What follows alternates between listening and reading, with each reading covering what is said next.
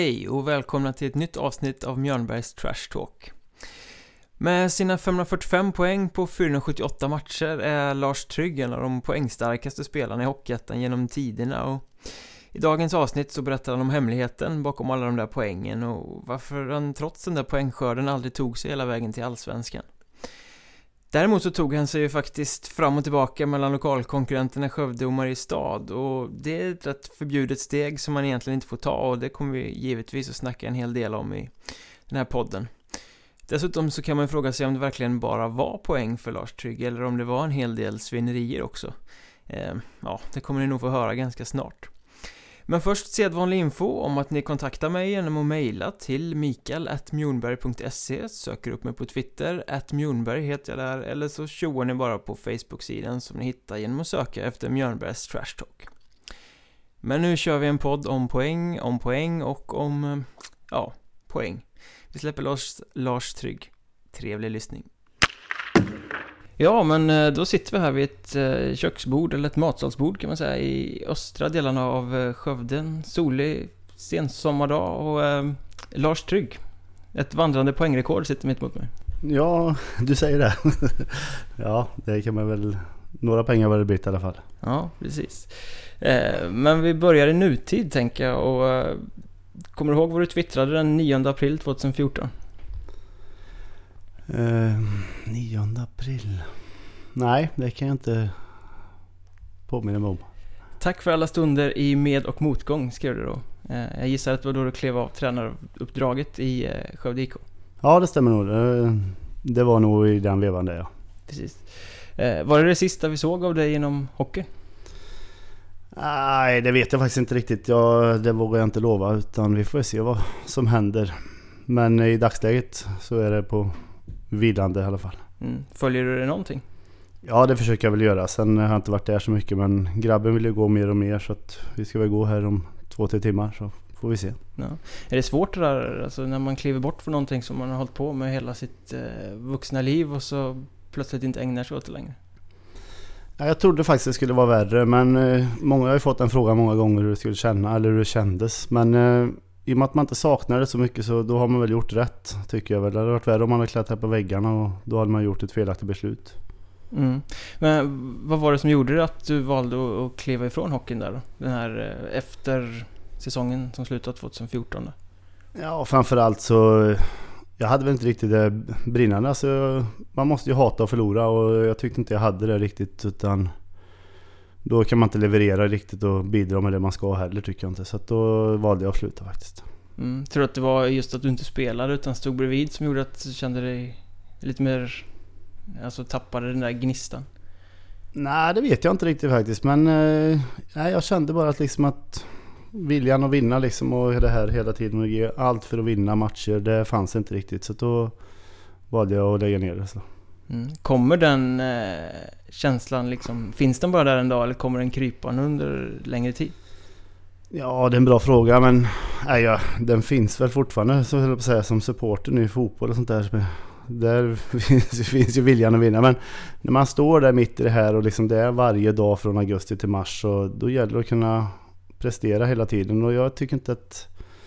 Jag hade inte riktigt den motivationen för att göra det och då väljer jag hellre att hoppa av än att liksom, eller ta något annat och vila lite från det här. Är det svårare att förbereda sig mentalt eller liksom kliva in i den rollen när man, som du nu på slutet, hade en tränarroll istället för som spelare? Ja, det, var, det är ju skillnad där ju alltså. Det är ju liksom på en hockeyplan då kunde man ju ge någon en tjuvsmäll eller få en tjuvsmäll eller vad som helst. Då var man ju, fort, då var man ju ganska fort inne i det där. Men när det var lite halvknackigt några matcher. Men som tränare så måste man gälda på sig själv på ett annat sätt. Och jag och Fredrik försökte väl att liksom tagga igång varandra så mycket som går. Och även, sen ska det vara en balans naturligtvis. Man får inte elda på för mycket för då får man ju 20 galna hockeyspelare att ta hand om. Så att, eh, nej, det är en balansgång men det är svårare som tränare tycker jag än som spelare. Mm, så det var lite en omställning där när du... Ja absolut, visst är det en omställning. Valde lägga. Vad gör du idag då? Ja, nu jobbar jag som drifttekniker på ett fastighetsbolag här i stan. Så det är väl det. Och så försöker jag spela ganska mycket golf. Det är ganska återkommande bland hockeyspelare som har lagt av kanske. Ja, jag började för många herrans år sedan när jag gick på hockeygymnasiet i Västerås och spelade. Sen har jag hållit upp i x antal år så jag började för två år sedan igen här så. Och handikappet lyder? Ja, 16,7 så det är på väg neråt. Ja, men det är väl rätt skapligt. Ja, jag har gått ner 7,7 i år så det är bra. Jag tänkte, jag kom aldrig längre än till 14 innan jag la klubborna på hyllan. Nej, dit ska jag i år ska du se. jag får väl ta upp det någon gång och försöka jaga ikapp det sen kanske. Jaha. Eh, det bästa med att inte eh, hålla på med hockey längre är att slippa försäsongen. Nej, det vet jag inte men jag tycker riktigt. Alltså det, ja, kanske försäsongsmatcher för det var ju ingen, det är ju ingen höjdare. Men just det här att träna försäsong och springa och verkligen skita ner sig lite. Och det gillar jag faktiskt ganska mycket. Det kan jag sakna lite just att det här var helt färdig, som man nästan är spyfärdig ibland. Det, det är svårt att göra det när man ska träna själv. Utan eh, där håller ju, det finns ju en anledning till att man håller på med, eller har hållit på med lagidrott. Så att det kan jag sakna. Men annars så tycker jag inte det bästa med att inte hålla på det är väl att man har tid med grabben framförallt. Så det är mer familjeliv. Mm, men det här eh, försäsongsmatcher var inget kul liksom? Nej, det är väl inte sådär jättekul och man, det är svårt att lura sig ibland när det är 25 grader varmt ute och man åker till, ja, någonstans, jag ska inte säga någon ort men till mindre attraktiva ishallar så då, då är det svårt att lura sig ibland. Var det det som kom krypande? Alltså kom det läng ju längre du höll på med hockey att det blev svårare och svårare att motivera sig till en sån sak? Ja, det är det väl lite. Det tror jag nog är för alla att det blir lite mer vardag så att säga med träningsmatcher. De ska ju göras, man ska göra dem på rätt sätt för att kunna lyckas längre fram på vintern. Men just det här med att lura sig själv. Men har man då lite yngre spelare som är och jagar en lite, då måste man ju vara med. Annars så liksom, det handlar ju om, det är en konkurren, konkurrerande verksamhet vi håller på med. Så det, ja, då, man måste ju ändå göra det man kan. Så att, men det är svårt att lura sig ibland, absolut. Mm, ja, jag kan tänka mig det. Jag har svårt att motivera mig att ens gå och titta ibland så att... Eh... Ja, då är vi två. Men eh, vi sitter ju egentligen inte här för att prata om vad du har gjort efter karriären, även om det kan vara nog så intressant. För att tittar man i all uppkomlig statistik som man nästan kan hitta så är ju du som, som jag sa precis i inledningen, ett vandrande poängrekord och ett vandrande rekord överhuvudtaget. Du är ju till exempel om man tittar på förtjusande Elite Prospects, den spelare som ligger fyra på listan över mest spelade matcher. Ja, det visste jag inte om förrän du sa det nu, så det är väl Ja, jag har hållit på några år så det blir väl ett par matcher klart. Ja, och fortsätter man sen så liksom är du ju poängrekordens man. Du har spelat flest matcher i Skövde, du har gjort flest poäng i Skövde, du eh, har flest utvisningsminuter i Skövde. Eh, tänker du någon gång på det här att du bara öste in höga siffror i allting du tog dig för på isen egentligen? Nej, det, ja, ibland, eller jag blir väl påminn om det ibland rättare sagt när man träffar någon liksom och, och pratar om det så. Men annars så tycker jag inte jag tänker så mycket på det. Alltså, jag, mitt jobb på isen var ju att försöka göra mål. Alltså, det var inget snack om det. Utan det, och lyckas man med det så är det bra. Och jag hade väl förmånen att spela med ganska bra spelare så att man kunde pilla in en puck här och var. Kan du säga så här i efterhand att du är nöjd med karriären så som den utvecklade sig? Ja, när man summerar lite så och får lite distans till det så visst, jag har väl gjort så gott jag kunnat tror jag. Så det, Ja, men jag är nog ganska nöjd med det jag bidrar till min moderförening och även till Mariestad när jag var där och spelade. Det tycker jag. Mm. Om man fortsätter titta vidare på eh, statistiken och så här, så är det ju den fjärde bästa poängplockaren i Hockeyettan genom alla tider också om man hämtar det här från Elite Prospects. Det är ganska mäktigt. Sammanlagt 545 poäng på 478 matcher. Ja, det är väl, det är väl egentligen det bästa, höll på att säga, poängsnittet per match om man ska vara lite egoistiskt så kan man vara ganska nöjd med det måste jag ju säga.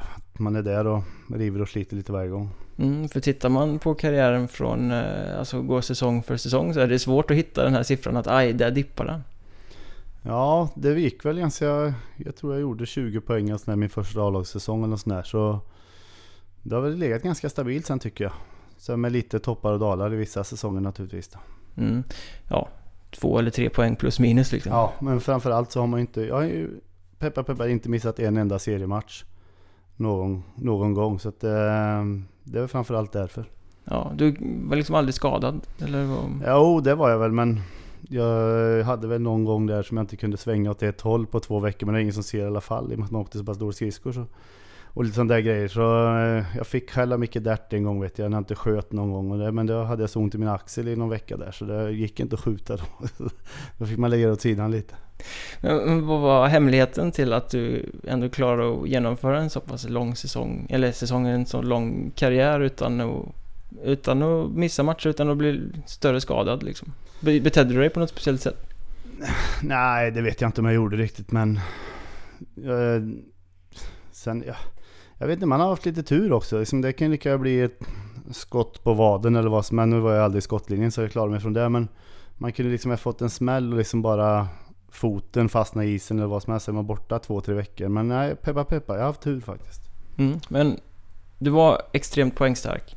Eh, vad var hemligheten bakom att du var det? För jag har sett dig spela en väldans massa gånger. Du var ju inte den mest briljanta teknikern. Du var inte den flashigaste spelaren. Men poängen bara rasade in varje gång du var med i matchen. Liksom. Ja, nej, teknik har jag väl aldrig haft någon så det kan jag inte skryta med. Det. Nej men det handlar mycket, som jag ser det som både spelare och när jag var ledare, alltså man måste våga vara lite egoistisk på plan och skjuta.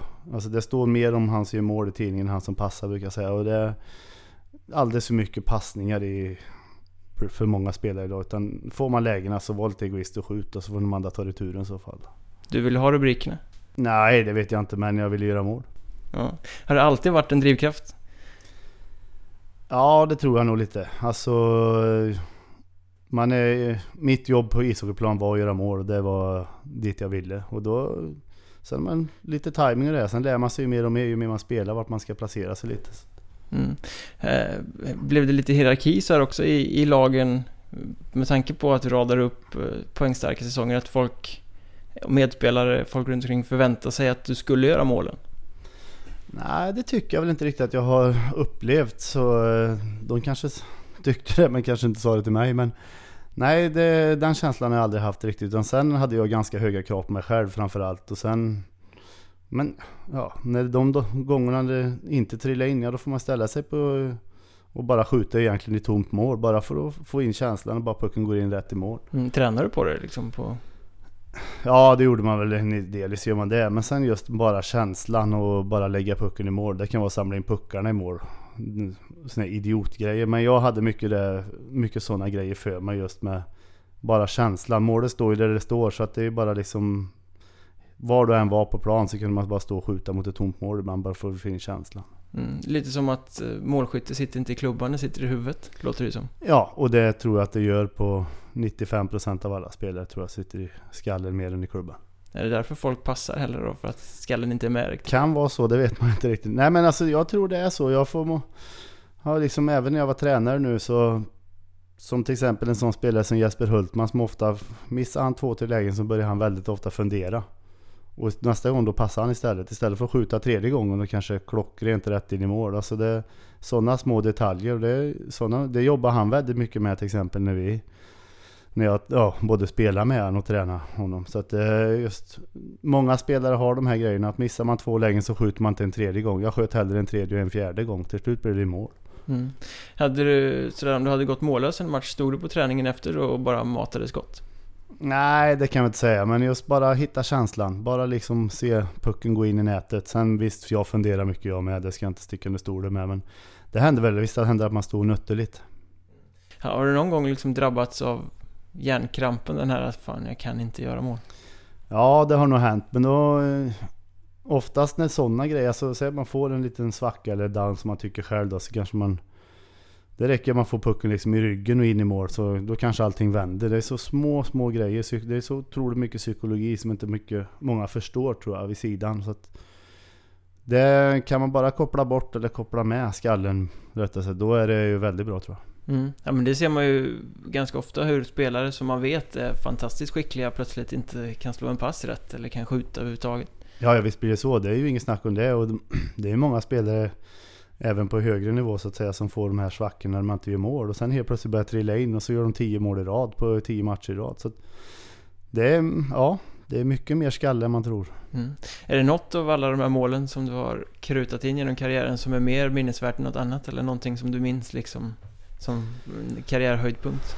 Ja, det är väl lite avgörande mål. Det är väl alltid lite roligt eller vad säga. Eller, vi, när vi mötte Örebro där Mariestad någon gång när vi vann i sadden där så var det väl extra skönt. Vi vann med 2-1 tror jag. För Jag hade väl känslan av att jag missade Lövdal lite när han kvitterade med en och en halv minut kvar till 1-1 där. Så då var det skönt att avgöra den sadden.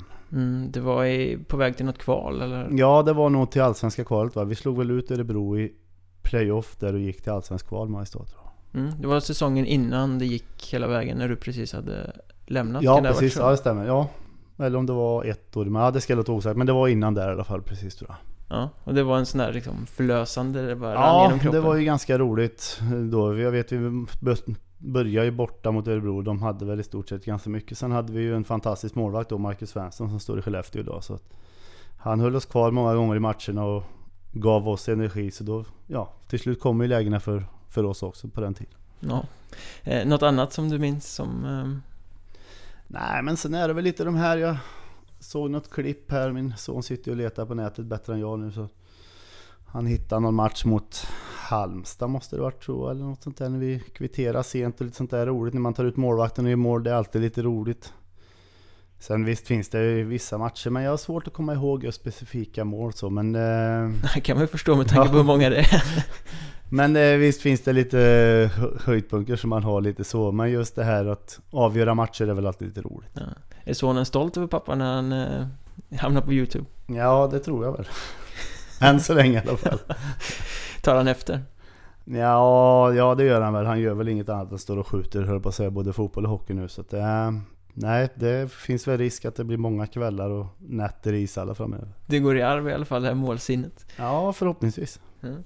Eh, du pratade om Mariestad där i eh, eh, att du var där och spelade några säsonger. Om man, om man tittar på CV och så här, du är ju en Skaraborgs profil minst sagt. Eller Hockeyettan-profil överhuvudtaget. Jag tror inte det finns någon som har följt ettan som inte vet vem du är. Men eh, framförallt Skaraborg, du, du har ju egentligen spenderat hela seniorkarriären i Skövde och i Mariestad. Eh, hur kommer det sig att du aldrig har tagit dig någon annanstans? Jag tänker, om man tittar på ettans poängstarkaste spelare borde ju ha haft åtminstone några allsvenska eh, erbjudanden genom åren. Ja, det har jag väl haft någon, några erbjudanden, det ska jag inte ljuga om. Men alltså jag... Nej, det så... Ja visst, jag har haft erbjudanden från olika klubbar då och då. Men jag är alltså ganska hemmakär och sen... Jag har haft det bra. Jag har haft ett bra jobb hela vägen. Nu bytte jag faktiskt jobb här för ett och ett halvt år sedan. Jag jobbade på samma ställe innan det i 13 års tid. Så det är som att... Man har det ganska bra. Det är inte, kanske inte grönare på andra sidan. Sen visst kanske man skulle provat om man hade fått chansen i Allsvenskan. Det är väl inget snack om det. Men Framförallt så tror jag väl att Ja, jag vet inte, men jag tror skridskoåkning eller sånt där. Alltså tempot är väl där. Hade jag varit en bättre skridskoåkare tror jag hade spelat i Allsvenskan. Det är väl ingen, men om jag nu hade velat så att säga. Mm. Men eh, du, liksom, kände du det själv att det var därför du valde att tacka nej när du fick? Nej, det tycker jag väl inte. Men alltså, många, jag tycker många även idag, de sticker alldeles för tidigt. De sticker till någon allsvensk klubb, kanske en bottenklubb i Allsvenskan och så får man nöta bänk lite där och sånt där. Istället för att kanske spela topp 4 i division 1 Framförallt och kanske söder om Mariestad neråt. För att den serien där, är, där tycker jag klassen är så pass hög så att det, där är ungefär samma standard. Det går lite fortare i Allsvenskan, inget snack om det. Men topparna, jag tycker man hellre ska spela i en första, andra femma i division 1 eller en fjärde femma i Allsvenskan. Mm. Jag vet att eh, Mikael Fallander när han bloggade på Hockeysverige där för eh, ett x antal år sedan hade något inlägg om att eh, han inför någon säsong funderade på att värva den där förbannade Lasse Trygg som alltid ska hålla på och sänka hans lag. Ja, vi hade ja, vi hade många fina duster där mot Örebro. Framförallt med Mariestad. Det var två, tre år i rad med toppmatcher. Och vi slog väl ut dem då både en och två gånger där tror jag. Så att, ehm, ja, han hade nog lite mardrömmar om det ett tag. Nej men han är en stark profil den där mannen. Så han var ju inne när vi slog ut dem. Faktiskt inne i Mariestads omklädningsrum och gratulerade med tårar i ögonen från Örebros sida. Så det var starkt gjort av honom tycker jag då. Ja. Var det någon gång som du var närmare att du skulle ha rört på dig än någon annan? Nej, det tycker jag väl inte. Utan jag, jag hade mitt äventyr som... Hade jag inte flyttat till Västerås och gått hockeygymnasium där som 15-åring, 16-åring. Så då hade jag nog flyttat på mig tidigare från Skövde. Det tror jag kanske men jag, liksom, jag hade haft ett hockeyäventyr som jag tyckte var ganska trevligt och um, då hade jag nog, men jag, nej, jag är nöjd med det liksom, det som har varit. Mm. Om vi tänker allsvenskan så är det också lite lustigt för att du har varit en väldigt stor profil i Skövde IK och när de gick upp i allsvenskan då hade du precis bytt till Mariestad. Eh, sen var du en stor profil i Mariestad och när de tog sig upp i allsvenskan så hade du precis bytt till Skövde IK. Eh, kan du känna lite så här att det är surt i efterhand att du missade Allsvenskan, alltså och avancemangen båda för att... Eh... Ja, nej men surt och surt. Ja men det är klart alltså man, man vill ju vara med och vinna matcher. Det är det det handlar om. Det är det det går ut på. Så att, eh, men jag har inte riktigt reflekterat över det så att det har varit surt någon gång så. Jag vet när vi var hemma hos några goda kamrater, Danéarna, den påskafton var det väl när Skövde gick upp tror jag.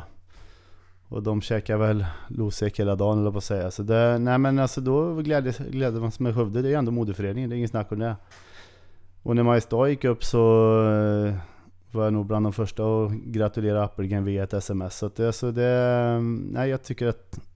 Nej jag har inte varit bitter för det, det tycker jag inte. Utan, eh, men sen visst, det hade varit kul att gå med någon gång. Mm. Det är ju en lite lustig slump där att ja. när, när, du byter och går lagen upp liksom. Ja, det är, väl, det är väl jag som drar med förbannelsen. Så att, nej, jag vet inte men eh, nej, jag har inte känt att det har varit något ledsamt över det. Den säsongen Mariestad gjorde då, den är ju helt fantastisk när de gick upp tycker jag. Skövde hade väl bäddat lite hårdare för att gå upp. Ja. Men Mariestad hade ju absolut inte gjort det och gör det ändå. Så de gjorde ju en heroisk insats den säsongen. Ja, deras säsong fanns ju inte på kartan. Den Nej, ju... det var ju... Och där tror jag stor del ligger i Andreas Appelgren faktiskt som var en otroligt, eller är en otroligt kunnig tränare. För, för att få fram det bästa av alla spelare. Ja, men jag menar, det är ändå två rivaler där som vi snackar om. Som du har gått fram och tillbaka mellan. Hur... Eh, gör man det helt eh, smärtfritt byter från det ena till det andra och fram och tillbaka? Nej, jag gjorde ju det förbjudna lite där. Jag var inte ensam men eh, det kanske stack lite hårdare i ögonen när jag gjorde det. Varför vet jag inte men så var det i alla fall. Så eh, nej det var väl några telefonsamtal, några nätter och lite sånt där som men det går ju att stänga av den så det är ingen fara.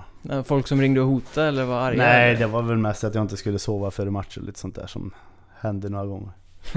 Den här klassiska psykningen. ja, men det, det är det som är lite roligt för det triggar ju bara en ännu mer när man vet. Alltså, sen, Vissa är ju inte riktigt så smarta heller som man ringer skyddat nummer utan de kan man ju titta upp dagen efter så. Kan känner, känner du igen det där? Ja. Eh, men hur, hur, kom det sig? Det är ju in, inte jättelogiskt att, eh, framförallt inte första bytet här när du lämnade Skövde för att gå till Mariestad. Vad låg bakom att du gjorde det bytet då? Nej men jag behövde nog lite nytändning tyckte jag. Alltså... Eh, och det kanske var min flytt då. Den kanske inte var längre än tre mil så att jag bodde ju kvar i Skövde och jobbade kvar där jag gjorde så att säga och kunde spela hockey en för. Alltså jag, Då var jag lite less på hockeyn redan då. Eller redan då, men alltså då var jag less på det liksom och hade inte riktigt det brinnande.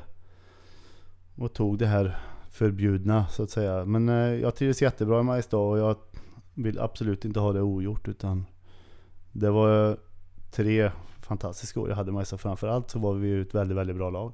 Mm.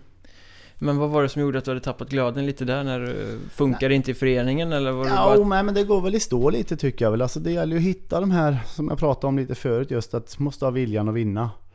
Och det tyckte jag väl inte riktigt att det brann riktigt 110 i alla lägen. Och då, nej, då gäller det att hitta på något nytt eller sluta. För att då bidrar man inte med någonting till lagets bästa och då tycker jag inte man ska hålla på heller. Nej. Var det, ni var väl några stycken som gick där i den där vevan? Ja, vi var ju ett par där. Så jag kommer inte ihåg, Tagnes var väl med där lite. Och han spelade ju också i Skövde. Lundström var ju där och Niklas Ljunggren var ju över ett tag. Han var väl i Halmstad och vände tror jag när de gick i konkurs och sen till Mariestad eller hur det var. Jag kommer inte riktigt ihåg hur det var det där. Men vi var ju ett par som har varit där och eh, så det, det funkar jättebra så det var inget rivaliteten finns ju men jag tror det är mer bland supportrarna. Ja, ja men framförallt varje säsong som går så mattas ju det där ut. Kan det blir så mycket spelare som flyttar fram och tillbaka. Och... Ja, men så är det ju. Det är mer handelsvar förut liksom. Då var det ju, då kunde du ju halva Mariestads trupp. Liksom, de hade du ju mött sen du var tio år liksom. Och det, det är klart, då triggas du ju igång en, en liten mer krig så att säga. Då var det väl lite mer, det, det, det är skillnad. Men alltså derbyna måste ju finnas. Klubbarna klarar sig inte utan varandra. Nej, nej men så är det ju. Det, tempen skulle väl, går den ena i konkurs så går ju tempen ner definitivt för den andra. Ja absolut, visst är det så. Och sen Mariestad var ju bättre förr. Liksom, de låg ju ettan då, gamla ettan och Skövde tvåan. Och när de då trillade ner, så de derbyna i början, då var det ju fullsatt.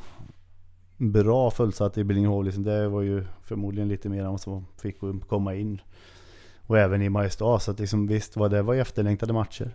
Mm. Tror du att den här derbyrivaliteten eldades på lite av att du och några andra bytte lag liksom. Att det blev en tagg i sidan från Skövde-supportrarna och lite fjäder i hatten för boysarna. Ja, det blir det väl lite. Det kan jag tänka mig. För det blev väl tvärtom när jag gick tillbaka sen. Så att, eh, nej men alltså det är klart att sådana grejer gör ju att det triggar igång lite mer. Och eh, det, det tror jag bara är bra för hockeyn att det händer lite.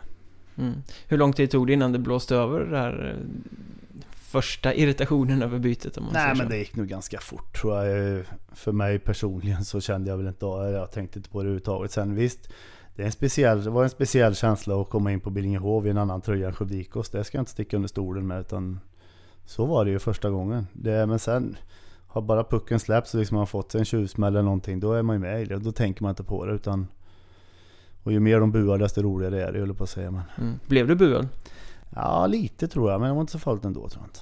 Är det inte lite sådär känsligt ofta med ikoner som byter eh, tröja på så sätt att folk blir förbannade för att de byter till fienden men samtidigt så har man gjort så mycket för föreningen att alltså, känslan finns fortfarande kvar på något Ja det sätt. tror jag. Alltså de här supportrarna som har sett hockey sen jag föddes i stort sett och alltid följt Skövdik och de sa väl mer lycka till än bua. Det kan jag. Det är väl mer de yngre förmågorna som inte har sett hockey så länge som bua. Gjorde du mål i första derbyt tillbaka på Billingehov? Nej jag tror inte det. Jag vet inte riktigt vad det blev men jag för mig vi förlorade. Jag vet vi förlorade någon. Vi hade ju något Ja det var ju det året vi kvalade Mariestad tror jag. Då hade vi vunnit 15 raka och sån här. Då vet jag vi förlorade med 4-0. Mot Skövde för då vet jag Staffan fick frågan hur det och han sa nu var det skönt för nu behöver inte folk tjata om den här segersviten längre utan och det vet jag var mot, Mariestad, eller mot Skövde då. Ja, och för supportrarna så eh, 15 raka segrar var inte vatten värt om man hade förlorat mot derbyrivalen. Nej, det, då är plötsligt är de borta då. Så att, men eh, ja, så är det ju. Men det, så är det väl inom all idrott. Så att, eh, nej, så det visst, det är roliga matcher. Sen var det ju en speciell känsla att komma tillbaka när man hade på sig Skövdetröjan och varit i Mariestad och spelat några år. Så det, det var också lite speciellt. Men det var värre att komma in på Billingehov i Ma- Mariestad första gången. För där är man ändå uppväxt. Mm. För sen, det var tre, fyra säsonger och sånt där i, i Mariestad. Ja. Eh, sen gick du tillbaka. Eh, ekonomin gick åt skogen i Mariestad. Vad hände där egentligen i, i samband med det bytet? Ja, nej men vi blev ju fria att gå och hur vi ville så att säga. I och med att de gjorde väl en... De har ju lärt sig en gång Mariestad. De har ju gått i konkurs en gång så nu var de väl livrädda för att det skulle hända igen. Så man tog ju ett drastiskt beslut vilket är bra för att inte skärpa klubben. Så vi var väl ett par spelare som flyttade på sig. Jag var faktiskt på väg att flytta ner till Ljungby då och spela i Troja. Men då blev det Skövde istället. Och vet, pratade lite med lite olika agenter som ringde. För jag har ju aldrig haft någon agent utan men då ringde det en och annan där som ville att jag skulle spela i Ljungby, Troja där så. Men det blev Skövde då med. Det var ju mitten av januari, någon eller slutet av januari tror jag. Eh, och då hette det ju också, jag har ingen aning om, eh, om det var sant eller inte, det kan ju du få förklara. Men i vissa rubriker så hette det att då gick du tillbaka till Skövde och spelade gratis. Eh, och att det stack i ögonen på Mariestad-supportrarna då. Ja, de... ja, det är väl lite så kanske de tycker. Men eh, ja, det är väl inte riktigt hela sanningen kan jag inte påstå. Men... Ja, det är klart det sticker. Men det sticker väl framförallt i ögonen. Och jag tror framförallt Mariestadsupportrarna var väl rädda för att klubben skulle gå i konkurs igen. I och med att man har haft den erfarenheten en gång tidigare. Men här gjorde man ju ett riktigt beslut. Styrelsen. Sen kanske man inte ska... Så det blir ju hastigt och lustigt när det blir såna här grejer. Och det är ju tragiskt när det blir på alla alla inblandade. Men jag tog det beslutet och det är något jag står för. Och ja, det är väl inte så mycket mer med det. Och i Skövde tog de emot med öppna armar. Ja, det var väl inte riktigt så heller. För de hade väl egentligen full trupp och ville inte ta in någon riktigt. De hade väl en back, så Niklas Ljunggren gick ju tillbaka. Men eh, ja, de kanske hade lite svårt att säga när någon ville och någon ville inte. Så det var lite diskussioner. Men nu blev det som det blev. Och ja, då spelade jag resten av säsongen där i Skövde. Men handen på hjärtat, hade det liksom i supportrarnas ögon gått att säga nej tack till eh, en gammal stor eh, liksom, trotjänare som dessutom är poängstark? Eh, kan man göra, är det inte PR-självmord att inte ta tillbaka en sån spelare? Ja, det kanske det är, men alltså har man en full trupp och inte vill ta in någon så då är det ju bara att acceptera och det förstår man ju i så fall också som spelare. Då hade jag väl varit kvar i Mariestad i så fall. Mm, men de tog in det. Ja, det gjorde de ju. Så jag hade ju två månader kvar i Skövde där den säsongen. Sen var jag kvar några år till där. Ja, och då var det inga konstigheter. Det blev inga nattliga telefonsamtal från Mariestad till Skövde sen istället? Nej, det blir det inte. Jag tror det har ringt från lite andra orter också inför någon kvalmatch eller sånt där. Ja, man ska störa stjärnan, inte? Ja men det är lite roligt. Jag tror vi var jag tror faktiskt det var när vi skulle kvala mot Arboga borta i Mariestad så jag tror väl fem sex spelare som fick lite samtal. Sen om det var från Skövde folk eller inte men det kan jag... Jag vet ju vart det ringde ifrån men... Någon fick nog något från Arboga, jag fick mitt från den här stan kan jag lova. ja, det var no någon som hade varit med förr och ville... Förmodligen. Ville eh, du har ändå varit de här två... Du säger att de här två föreningarna behöver varandra. Är de ganska lika till sin uppbyggnad? Fungerar de likadant? Alltså när du är där som spelare, är det någonting som skiljer dem emellan som gör att de märker ut sig? Ja, det tycker jag väl inte riktigt. Alltså, det är inte, på ett sätt, det är, jag tycker det är jättekul nu när man varit i båda för att det går ju alltid rykten. I Mariestad går det rykten om Skövde, i Skövde går det rykten om Mariestad. Och ett Skövdes, alla supportrar i Skövde sa att Mariestad aldrig tränar sommarträning men det är ju liksom, det är bara löjligt för att man tränar precis lika mycket sommarträning där som man gjorde i Skövde. Och det är väl inget snack om det. Och andra rykten i Mariestad som också man bara fick skratta åt lite. För att, men det är, det är väl så det fungerar mellan två rivaliserande klubbar. Att det går lite rykten här och var. Det funkar si och det funkar så. Men i det stora hela så tycker jag väl att i grund och botten är väl alla ishockeyföreningar uppbyggda på samma sätt. Så att, eh, däremot är det lite skillnad man märker när man kommer som lag till det största exemplet har jag väl Tingsryd borta. När man kommer dit som spelare i Skövde så då känns Tingsryd jättebra. Så kom man dit som spelare i Mariestad. Det var som att möta små myror i början. Alltså, de var livrädda Tingsryd för Mariestad. Men det var gammalt som hänger i väggarna.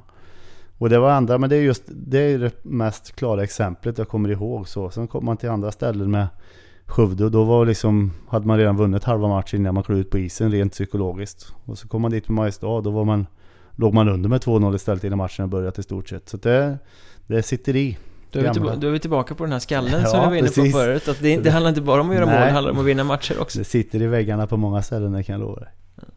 Men vi håller oss kvar lite vid derbyrivaliteten och den här som är så viktig. Du har varit med i en jäkla massa år nu och spelat en jäkla massa derbyn.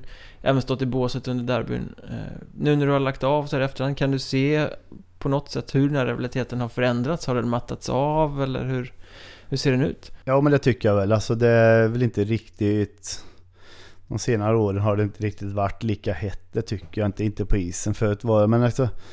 Sen har ju det blivit lite skillnad också. Regelboken har blivit hårdare och det här. Så det är ju som... Spelet är kanske lite mer spelande matcher men förut kunde det vara fem, sex man i utvisningsbåset från varje lag efter tio minuter. Alltså, då vill man verkligen visa liksom Sen hade man ju lite olika, olika konstellationer på line-upper och sånt där vissa matcher. Så eh, bara för att sätta lite skräck i första bytet, lägg ner pucken och sen skickar man fram sina två största backar som toppforwards. Och det har ju hänt det med och det är bara för att sätta sig i respekt. Men de grejerna tycker jag väl har försvunnit lite. Det, och det blir ju det. Det är ju mer folk som byter klubbar och sånt. Men visst, hetsen finns och stämningen finns. Det är stor. Alltså det går ju att vibrera lite i svåraste för båda lagen egentligen, det är att vinna matchen före och efter. Mm. För oftast så kanske man har fokus på fel grejer. Utan man har liksom, säg att det är en söndagsmatch borta någonstans och sen ska man möta Skövde borta eller Mariestad borta, vilket är vice versa så att säga, i, på onsdagen. Då är det svårt att lägga fokus på rätt grejer.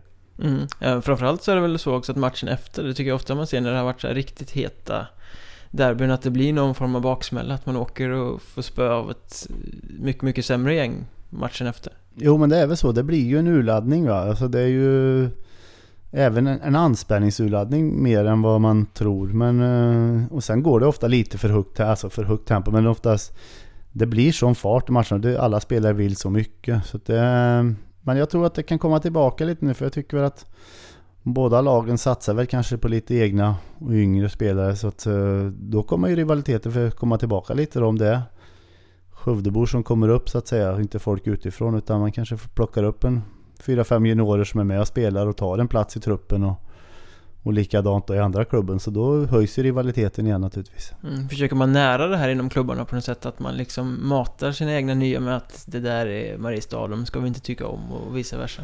Nej, men det blir de nog varse. Liksom, de ser ju alltså de egna spelarna så att säga, de som har Skövde som moderklubb eller Mariestad som moderklubb, de de sköter det ganska bra så att de, det är bara att åka med. De får det i modersmjölken ja, som man säger. Ja, det kan man lugnt säga. Det, nej men så är det ju. Det är ju samma där. Det, så det är ju inget snack om det utan det är speciella matcher. Mm.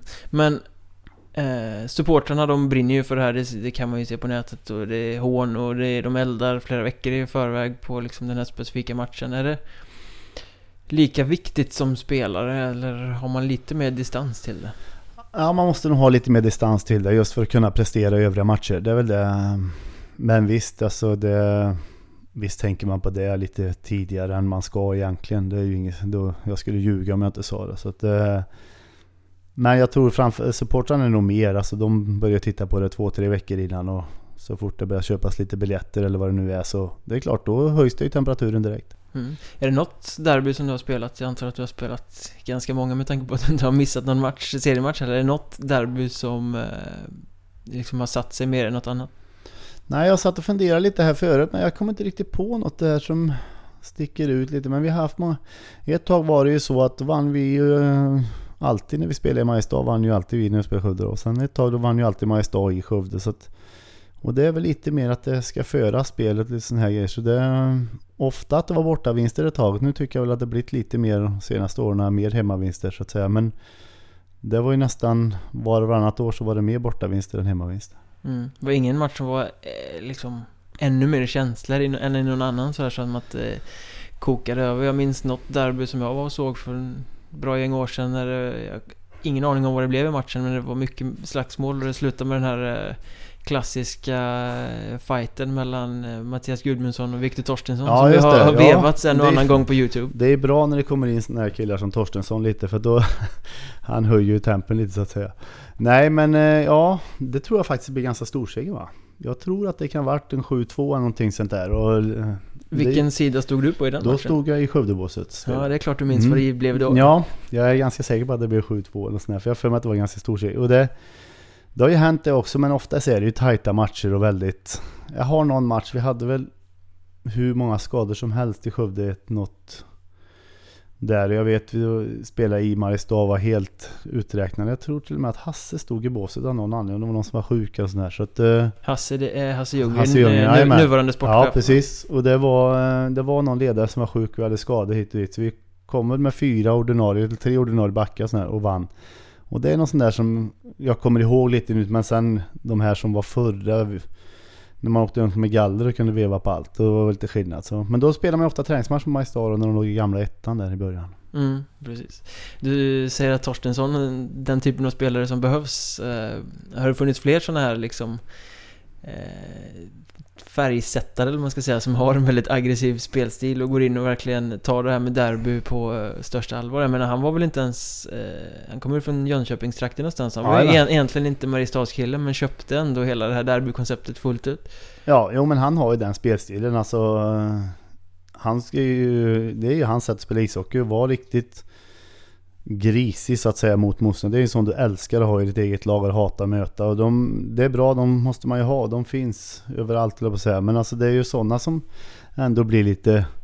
De sätter ju färg på matcherna oftast och det finns väl, man har spelat med ett par, bröderna Gustafsson i Skövde är väl sådana som är ganska bra på att sätta färg på matcherna också lite och retas mycket. Och, sådär, och, ja, men det är väl det är sådana typer av spelare som gör att hockeyn lever vidare mycket tycker jag. Alltså just med publikmässigt. Att många går ju dit för att det är liksom Dels är det derby och sen smäller det lite här och var. Det, det är kul. Uppmuntras den här typen av spelare? Jag menar du var tränare till exempel när bröderna Gustafsson var i eh, Skövde. De är väl i någon liten förening? Ja, i Tibro nu va? Ja, precis. Eh, kunde du gå fram till dem till exempel och elda på och säga att fan slasha honom lite extra eller tugga lite med den här spelaren liksom bara för att få den här färgen på hockey? Ja, det gjorde man. Men alltså det, i det fallet så behövde man inte det. Utan de, de, de, hade nog läst in ganska bra vilka de skulle ligga på. Ja, men det lär man sig ju. Det. Jag var själv likadan när jag spelade. Så riktig retsticka stundtals. Så att det visste man ju vem som, som han den här Olof Strömpress, vad heter han nu då? Press, ja. Det visste man ju ganska tidigt. Det var ju bara att åka in och så slå han i knävecket en gång. Sen var ju han ju ja, förhoppningsvis borta den matchen. Antingen blev han bäst på isen eller så var han sämst på isen. Så att där fick man ju chansa lite ibland och ofta lyckas vi framförallt med Skövde få han ganska dålig. Ja, men var, var det din uppgift eller var, tog du den rollen själv? Den tog jag nog mer bara för det var roligt. Det var ofta så att du gick in och klappade till de första bytet liksom? Ja, det har väl hänt någon gång. Men alltså vissa spelare visste man ju att man ska ligga på lite extra för de kommer i obalans och de är så pass duktiga. Det är så små marginaler och i all sport så det gäller att ligga på dem lite extra, vissa spelare. Var det samma sak med dig? Kunde man liksom få dig att fokusera på något annat genom att eh, sätta en klubba i ländryggen eller något sånt där gott? Ja, det har väl hänt det med. Men peppa peppa klarar ganska bra. Det har väl hänt någon gång när man har brunnit till lite. Men framförallt är när en match är avgjord och sånt där. Det kommer någon fegis och trycker till en i ryggen med två meter från sargen. Liksom det står 5-0 och det är två minuter kvar. Sådana grejer, det köper jag inte. Men annars så fick man ju ge och ta lite. Det, det, förhoppningsvis så triggar det en mer än det skärpte en. Ja, men var du mer den här eh, fulspelskillen eller eh, lät du käften gå en del också? Ja, käften gick nog mycket mer än många tror. Så att, eh, men det gäller att slå först också, det, det är det det handlar om. ja, nu kommer en annan sida av skyttekungen ja. fram här. Men... Eh, jo, men jag har ju mest utvisningsminuter också. Så att... men vad, eh, vad säger man då? Eller vad, liksom, vad var din specialitet på något sätt? Kollade du upp spelare så att du visste vilka knappar du skulle trycka på? Nej, nej det, gör, det kan jag inte påstå. Utan, men det märker man ju alltså. Det blir ju ett tugg på isen och vissa Visst, det blir mycket tugg mellan vissa spelare helt klart. Och det, har man då spelat så många matcher som jag har gjort så mötte man ju ganska många spelare ganska många gånger i olika klubbar och ibland i samma klubbar också. Så att det, visst fanns det vissa man ville hugga lite extra på. Mm. Var det så där också att, med tanke på att du var den du var, att du förmodligen betraktades som ett hot från deras sida, att de sökte upp dig för den här typen av situationer? Ja, det vet jag. Jag hade betraktat mig som ett hot, men kanske de tyckte motståndarna i och för sig. Men eh, Jo, det har väl hänt det med. Att visst har det varit lite gnabb och så, men det är, det, det är en del av spelet. Det tror jag är väldigt viktigt att det finns kvar, för annars kommer nog hockeyn ut. Mm. Har du upplevt att det har förändrats på något sätt?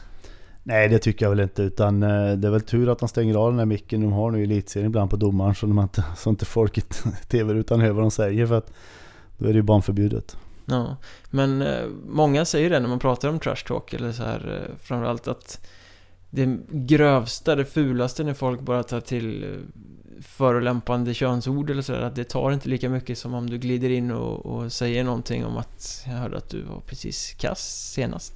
Ja, nej men det är ju bättre, alltså sådana grejer är mycket, mycket bättre liksom att försöka trycka på sådana grejer hela tiden. Utan eh, nej, alltså det finns väl visst finns det säkert folk som tittar upp andra folk liksom hur det i stort sett deras privatliv ser ut. Men det är liksom, det är nästan bara löjligt. Utan det gäller att vara snabb i käften i nuet så att säga när det händer något på isen. Så att.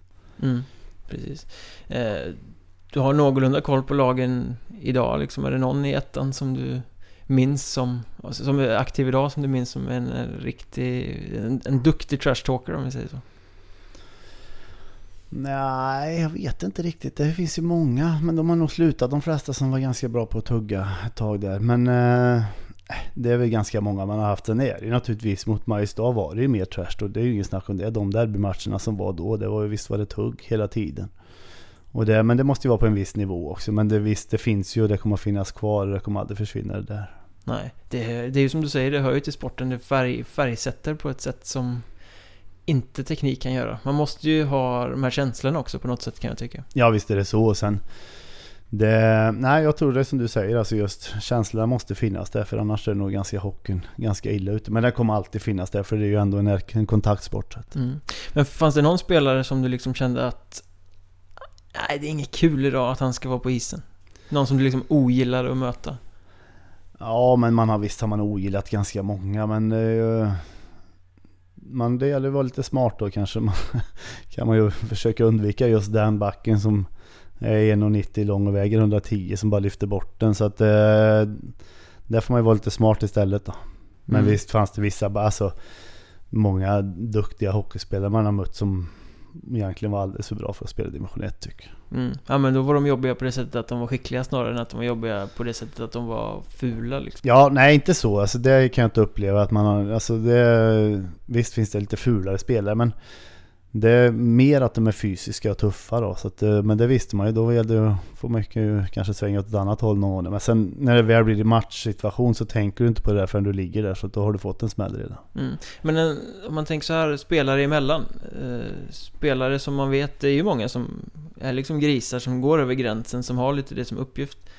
Eh, blir en sån spelare ändå respekterad av andra spelare på något sätt? Ja, det tycker jag väl. Alltså det, du måste ha den här mixen. Du måste ha en mix av alla sorters spelare i ett lag för att lyckas. Det går inte bara att ha finlirare eller målskyttar eller hårdskjutare. Alltså det går inte. Du måste ha grovjobbet och du måste ha den här grisen så att säga som bara är med och stör motståndarna. Alltså den mixen måste du ha i en stor trupp för att lyckas. Mm. Vilka är de bästa spelarna som du har haft eh, förmånen att spela med under alla de här säsongerna? Ja, det är en bra fråga. Uh,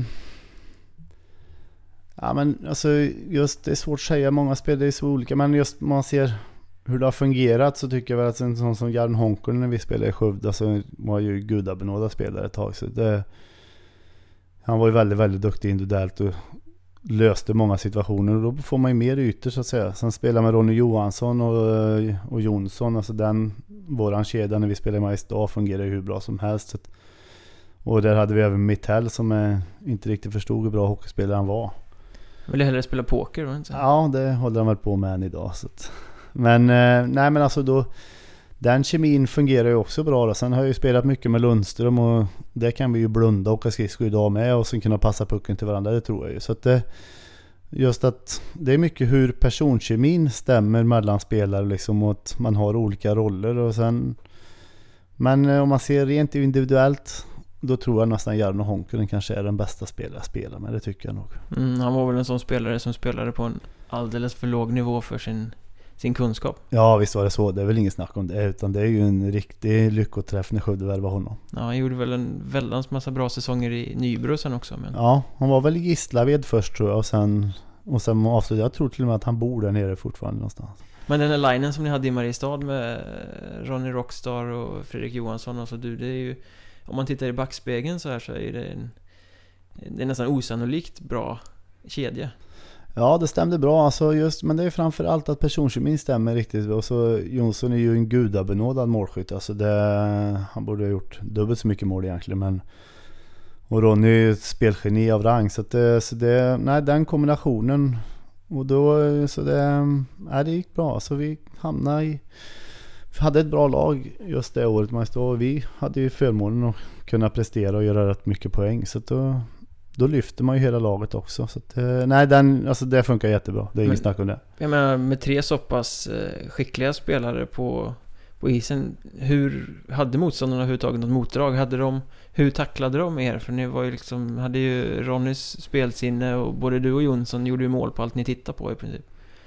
Ja, ja men alltså visst, vi var väl ganska jobbiga för många motståndarlag. Det är väl inget snack om det. Men sen, jag vet ju mycket, vi mötte ju Lövdal och Almqvist mycket i Örebro och det var ju deras starkaste offensiva femma. Så det var liksom bara ju de två offensivaste femmorna som mötte varandra och det är väl inte helt vanligt heller men så var det ju.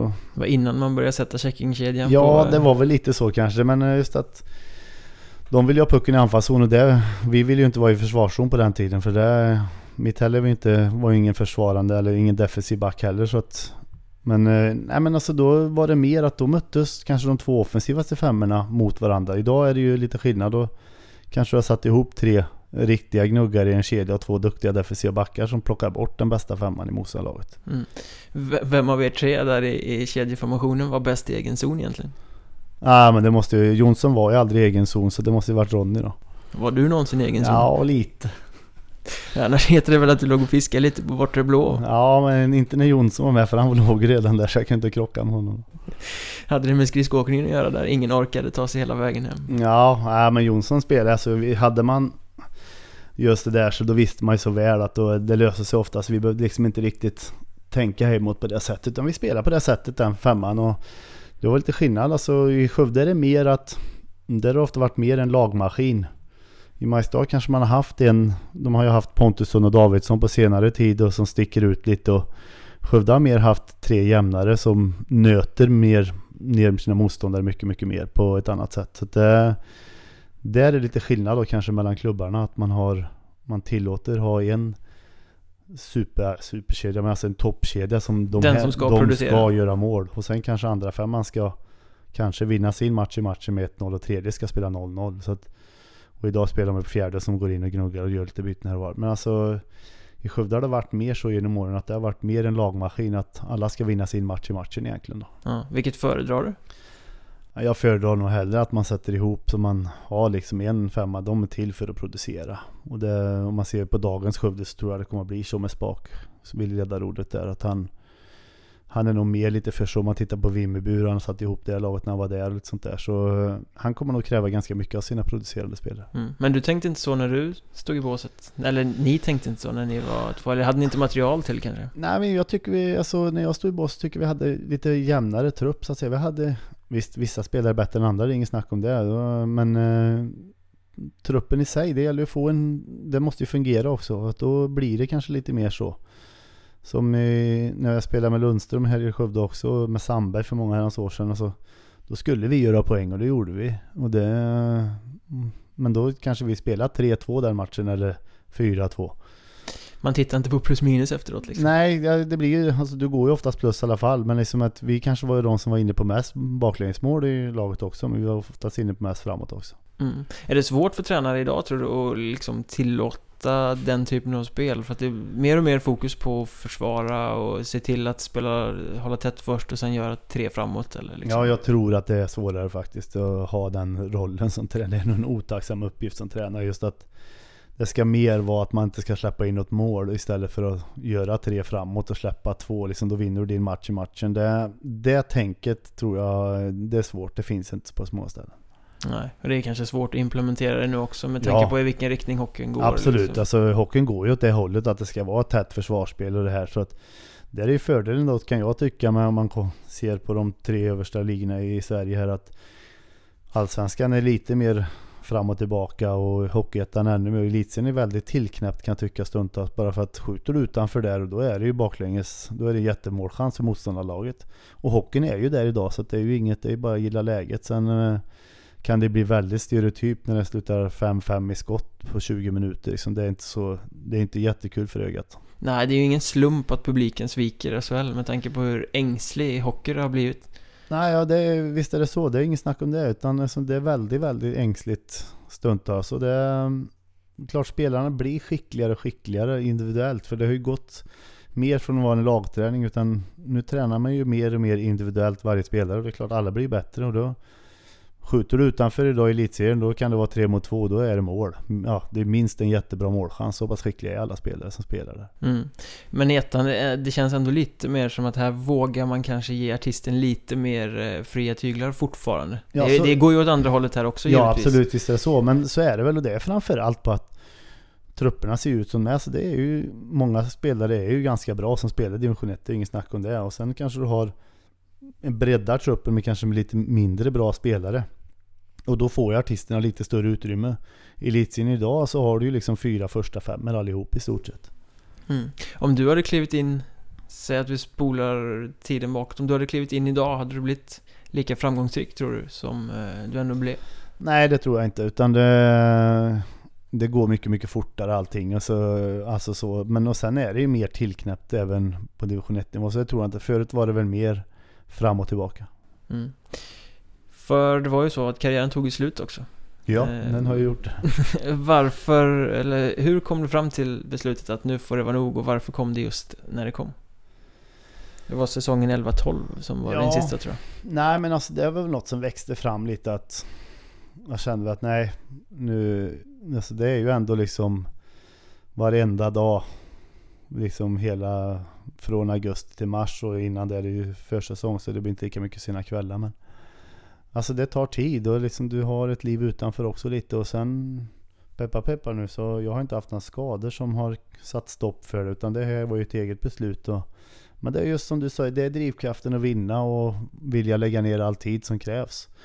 Spela division 1 hockey är egentligen den värsta serien för att du har ju oftast fulltidsjobb alla spelare, alla men väldigt många eller pluggar på heltid eller vad man nu gör då. Så då och sen träna på kvällarna. Jag, kommer du upp i ett tack då tränar du ofta dagtid och har ganska bra, bra förspänt. Så att eh, nej, det kostar på rätt mycket och då valde man att då får man ju väga för och nackdelar och sen måste det brinna. Det måste vara glöd i allting du gör. Alltså, annars bidrar du inte med någonting. Nej, kände du att det kanske smittade av sig på omgivningen också? Att du inte hade lågan där på slutet? Ja men så är det ju. Alltså, det är inget snack om det. Utan, och det är det värsta jag vet liksom. Ha spelare som sänker övriga människor. Så att man måste ha drivkraft och det, har man inte det då måste man ta sitt förnuft i fånga och lägga ner det. Var det någon som någonsin försökte övertala dig att nej fan, kan du inte köra en säsong till?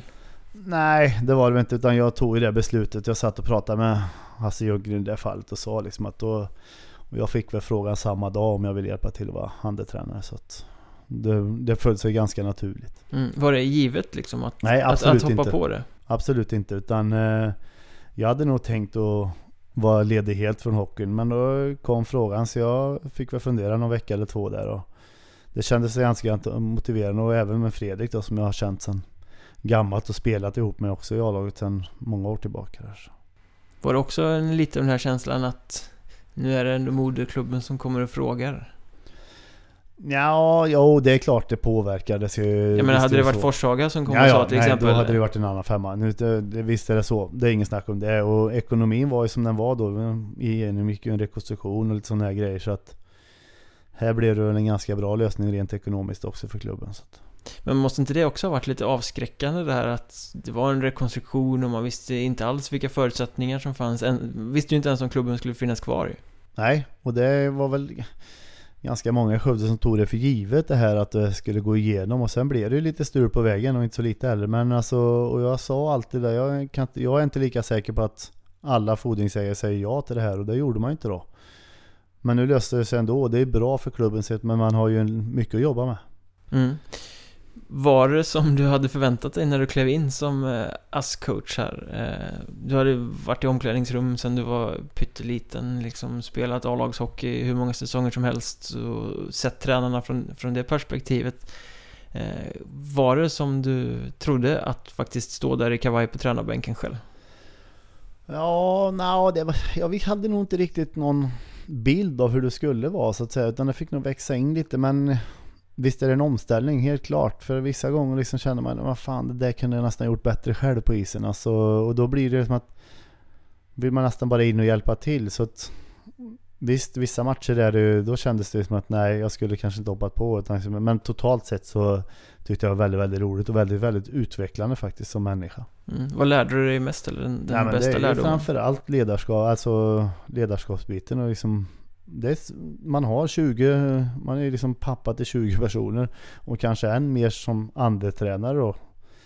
Och liksom, ja, mer stötta kanske och liksom på det personliga planet ibland just med målskyttet funkar inte eller varför blir det så, vad ska jag göra där och där liksom. Och mer än att stora helheten som Fredrik i vårat fall hade mycket mer hand om då själva spelsystemen och sånt där. Så då det blir mer, alltså mycket kompisaktigt, eller kompis, men alltså man får hjälpa till på en annan nivå tycker jag. Nej, det blev liksom... Kände du att det växte med de här två säsongerna också? Att du hittade rollen på ett... Ja, man lär sig för varje dag, det tycker jag. Sen fick man ju, blir man ju ivägskickad på lite utbildningar och sånt där. Och alla de utbildningarna egentligen, det är ju ledarskapsutbildningar rött över. Hockeytekniskt sett så det får du väl lära dig liksom när du går de här elitkurserna höll jag på att säga. Men alltså det är mycket ledarskap här. Är inte det där rätt sjukt egentligen att du är tvungen att ha gått kurser för att få träna ett lag i Sverige? Jo, det är ju rätt fantastiskt egentligen. Du kan ha varit världens bästa hockeyspelare men du får inte träna ett hockeylag. Alltså det, ja, jag vet inte hur de, hur de tänker. Du kan vara världens sämsta inspiratör men du har gjort rätt kurser och får därför ta över ett topplag. Liksom. Ja, så kan det ju vara. Absolut, det är ju, visst är det så.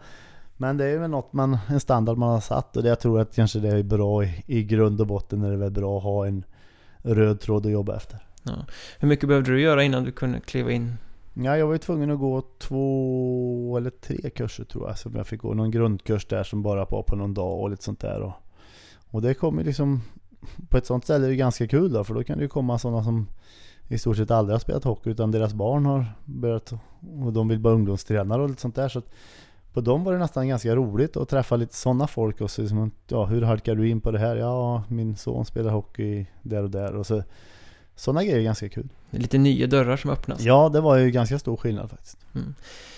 Och sen kom slutet. Två säsonger fick räcka. Du tappade glöden, klev åt sidan. Ehm, var det definitivt liksom? Kändes det att... Eller... För som det hette när du klev av så var det ju som i alla... Alla föreningar alltid, det kommer alltid låta likadant att det kommer ett fint pressmeddelande där det står Han kommer inte vara kvar men kommer att erbjudas andra roller i föreningen. Bla bla bla. Ja men det så är det väl. Det spelar ingen roll vilken klubb det är, det är precis som du säger. Alltså att man, det, man kör samma grej ut och så i alla föreningar tror jag. Men eh, nej men alltså i, för mig personligen så nej. Det, jag har inte riktigt tiden och orken att lägga ner det som krävs heller. Det tar nästan mer tid som tränare på den här nivån. Utan därför det ska ju bokas mat och det ska bokas lite bussar och det ska fixas och donas. Så vi delar väl upp det där ganska bra jag och Fredrik. Men liksom det, det kräver många timmar på kvällar. Mm, mycket tankemöda också. Det är inte bara att lämna utrustningen i hallen och gå hem. Nej, där har man ju en fördel som spelare då. Utan där kan du liksom bara duscha och sen om du klarar av det som spelare släppa det. Men som tränare så måste du sitta och nöta det lite då. Sen ska det göras någon träning och nu hade jag ju förmånen ändå att Fredrik gjorde de flesta träningarna så att säga. Men jag försökte väl stötta honom också för han jobbar ju också heltid. Så att, eh, nej, det kräver mycket, mycket, mycket tid som tränare. Var det en annan, eh, vad ska man säga, en annan approach som spelare kanske man kommer undan med med att vara hetlevrad och säga de där fula orden till någon som åker förbi eller liknande. Var du tvungen att hålla igen det som, som tränare på något sätt? Eller kunde du leva ut den sidan också? Nej, det måste man väl hålla igen lite så att säga. Men visst, det brann det till någon gång där också. Liksom och så här. Men alltså i det stora hela så måste man ändå vara lite sansad. Men det är svårt vissa stunder. Det är ju ändå i stridens hetta det händer. Så att man har väl fått bett en och annan domare om ursäkt efteråt. Men det har väl hänt som spelare också. Jag har svårt att se dig liksom tappa besinningen. Är... Ja, men det har hänt några gånger. Jag har väl varit inne i något omklädningsrum själv. Jag och Hånberg var nog inne där efter någon match när han tränade hästen där. Som vi hade väl ungefär samma syn på allting och domaren hade en annan syn. Så då hade vi en ganska fin diskussion, men det löser sig det med. Det var inte ringdans där inne direkt? Nej, det är väl inte. Vi skulle inte fira jul den dagen i alla fall.